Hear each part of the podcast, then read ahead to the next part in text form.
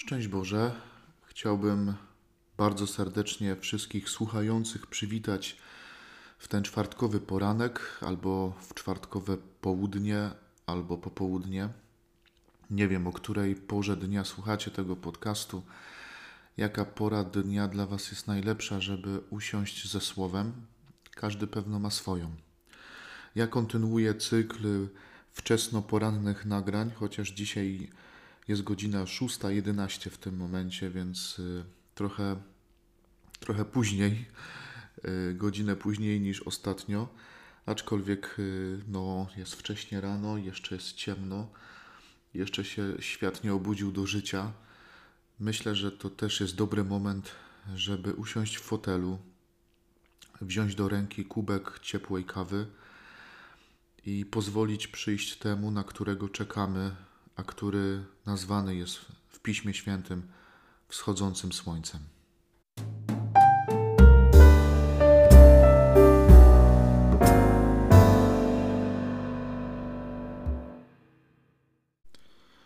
Chciałbym zatrzymać się dzisiaj nad fragmentem z Ewangelii Świętego Mateusza, który dzisiaj czytamy w liturgii Kościoła, a niewątpliwie jest to dzisiaj ważne słowo, dlatego że pojawia się chyba pierwszy raz, tak mi się wydaje, w tym adwencie, postać człowieka, który jest uważany za jednego z patronów adwentu, za jeden ze symboli adwentowych, można byłoby tak powiedzieć. Myślę, że taką główną patronką tego czasu jest oczywiście Maryja. Maryja, która najpiękniej oczekuje Pana, ale też ma z nim najbardziej intymną relację, ponieważ y, on rozwija się pod jej sercem. Właściwie w tym momencie to już jest taka zaawansowana ciąża. Maryja, która umie rozważać w swoim sercu słowo, które usłyszała i otrzymała, Maryja, która jest milcząca. Y, w ogóle wczoraj bodajże albo przedwczoraj na Facebooku jednego z moich kolegów księży zobaczyłem taki obraz Maryi, ikonę Maryi z palcem na ustach. Tak jak chcemy czas, czasem dziecku pokazać ci, albo komuś, żeby nic nie mówił, y, to właśnie taka Maryja, Maryja, która zaprasza do tego, żeby pomilczeć. Bo faktycznie w ciszy Bóg mówi, na pewno. Natomiast y, chyba coraz trudniej jest w naszym życiu o ciszę. Żyjemy w świecie, który jest bardzo głośny, zewsząd otrzymujemy różne impulsy. Świat dzisiaj jest taki wręcz krzyczący. No, trudno jest znaleźć dla siebie jakąś przestrzeń ciszy, żeby w tej ciszy spotkać się y, najpierw ze samym sobą, a potem z Bogiem. W każdym razie dzisiejsze słowo. Zaprawdę powiadam wam, między narodzonymi z niewiast nie powstał większy od Jana Chrzciciela, lecz najmniejszy w Królestwie Niebieskim większy jest niż on. Taki trochę paradoks. Z jednej strony Jezus mówi, że Jan Chrzciciel jest tak wielką osoby, osobowością, jest tak wielkim prorokiem, że wśród ludzi narodzonych na ziemi nie ma większego niż on.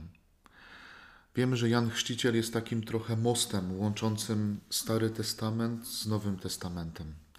Z jednej strony jest prorokiem, prorokiem starotestamentalnym, który jeszcze w Starym Testamencie zapowiada przyjście Chrystusa, ale z drugiej strony y, to on spotyka się z nim jako jedyny prorok y, i niejako wprowadza nas w tajemnicę Nowego Testamentu, w tajemnicę Nowego Przymierza, która ma się zrealizować w Chrystusie.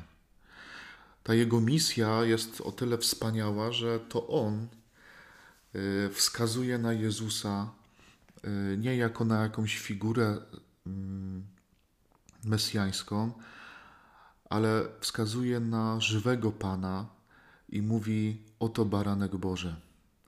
To jest prorok, który ujrzał Mesjasza, wskazał na niego palcem i powiedział całemu światu: To jest ten, na którego czekaliśmy. W nim się zrealizują wszystkie zapowiedzi wszystkich proroków, wszystkie mesjańskie wizje, wszystkie teksty prawa, starego prawa, które mówiły o wyczekiwaniu na Mesjasza. to on miał tą łaskę, żeby bardzo precyzyjnie i konkretnie wskazać Syna Bożego. Jan Chrzciciel jest osobą bardzo ważną, dlatego że sam o sobie mówi, że jest głosem, głosem, który zapowiada przyjście. I to jest w ogóle bardzo ciekawe zestawienie, dlatego że jak y, pamiętamy i co będziemy zresztą czytać w Boże Narodzenie, prorok Ewangelii Janowej mówi o Jezusie jako o słowie, które stało się ciałem. Więc Jan Chrzciciel dla tego słowa staje się głosem. Jan Chrzciciel nie mówi o sobie, że jest słowem, jest czymś mniej. Głos to jest jakiś dźwięk, a słowo to jest dźwięk plus jakaś konkretna forma. I tutaj od razu nasuwa mi się taka, e, taka aktualizacja dla naszego życia, dlatego że najprawdopodobniej każdy z nas jest powołany właśnie do tego, do czego powołany jest Jan, to znaczy, żeby stać się głosem dla słowa. Jakby Jezus Chrystus chce być treścią, treścią, która wejdzie w nasze serca, ale treścią też, która chce wejść w ten świat, chce wejść w serca ludzi, zwłaszcza te serca, e, tak jak mówiliśmy sobie chociażby wczoraj, utrudzone, obciążone, poranione Jezus chce być treścią, która wejdzie w serca, które dawno straciły nadzieję. I żeby mógł to zrobić, potrzebuje głosu, potrzebuje narzędzia, potrzebuje nośnika. I zdaje się, że my dzisiaj dla świata musimy być takim nośnikiem, takim subtelnym głosem, który zaniesie Chrystusa, czyli światło wszędzie tam, gdzie panuje mrok.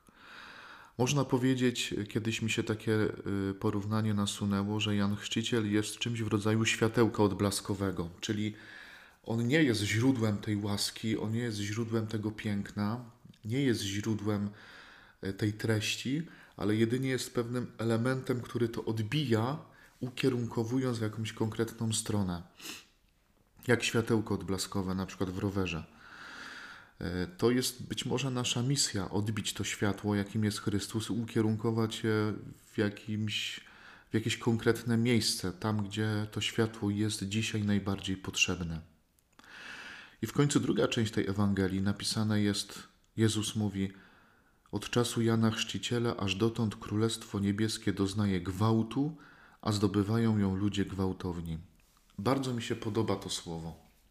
Co prawda, E, takie sformułowanie, że królestwo doznaje gwałtu i zdobywają go ludzie gwałtowni, może się źle kojarzyć, bo bycie gwałtownym kojarzy się z jakąś taką porywczością w negatywnym tego słowa znaczeniu. E, ale Jan Chrzciciel był kimś, kto szokuje. Jan Chrzciciel był jakimś takim wymykającym się ze standardów prorokiem. Po ludzku pewno by nie jedna osoba powiedziała, że był dziwakiem, jak był jakiś niestandardowy, ale też był gorliwy w tym, co robił, co pokazuje też, w jakich warunkach żył, ale też ilu miał uczniów i ludzi wokół siebie, że tam tłumy ściągały w pewnym momencie nad Jordan. I myślę sobie, że dzisiaj Królestwo Boże właśnie i Kościół, ich świat potrzebuje chrześcijan, którzy będą gwałtowni, którzy będą aktywni, którzy będą e, w pozytywnym tego słowa znaczeniu szokować, którzy będą zdobywać to królestwo poprzez e, bardzo wyraźne działanie, poprzez bardzo mocne głoszenie, poprzez piękne świadectwo życia, czyli poprzez takie życie, które wymykać się będzie standardom. Mnie fascynują tacy ludzie. Fascynują mnie ludzie, którzy potrafią robić wspaniałe rzeczy, e, które po ludzku człowieka by po prostu przerastały. Fascynują mnie ludzie, którzy poświęcają swoje życie, żeby latami pracować jako wolontariusze w domach, y, no nie wiem, w domach jakiejś pomocy społecznej, na misjach, którzy wyjeżdżają, aby być z najbiedniejszymi, najuboższymi, którzy poświęcają swoje zdrowie, żeby być z tymi, którzy są chorzy. Zadziwiają mnie ludzie, którzy pracują z ludźmi z marginesu społecznego, którzy z nimi mieszkają, którzy z nimi są, którzy najpierw, zanim powiedzą im o Chrystusie, to ich umyją, nakarmią, pomogą im przejść jakiś detoks. E, dzisiaj świat potrzebuje takich szaleńców i może warto też spojrzeć dzisiaj na swoje życie i, i zobaczyć, czy ono nie jest zbyt stateczne, czy ono nie jest zbyt proste, czy nie jest zbyt spokojne.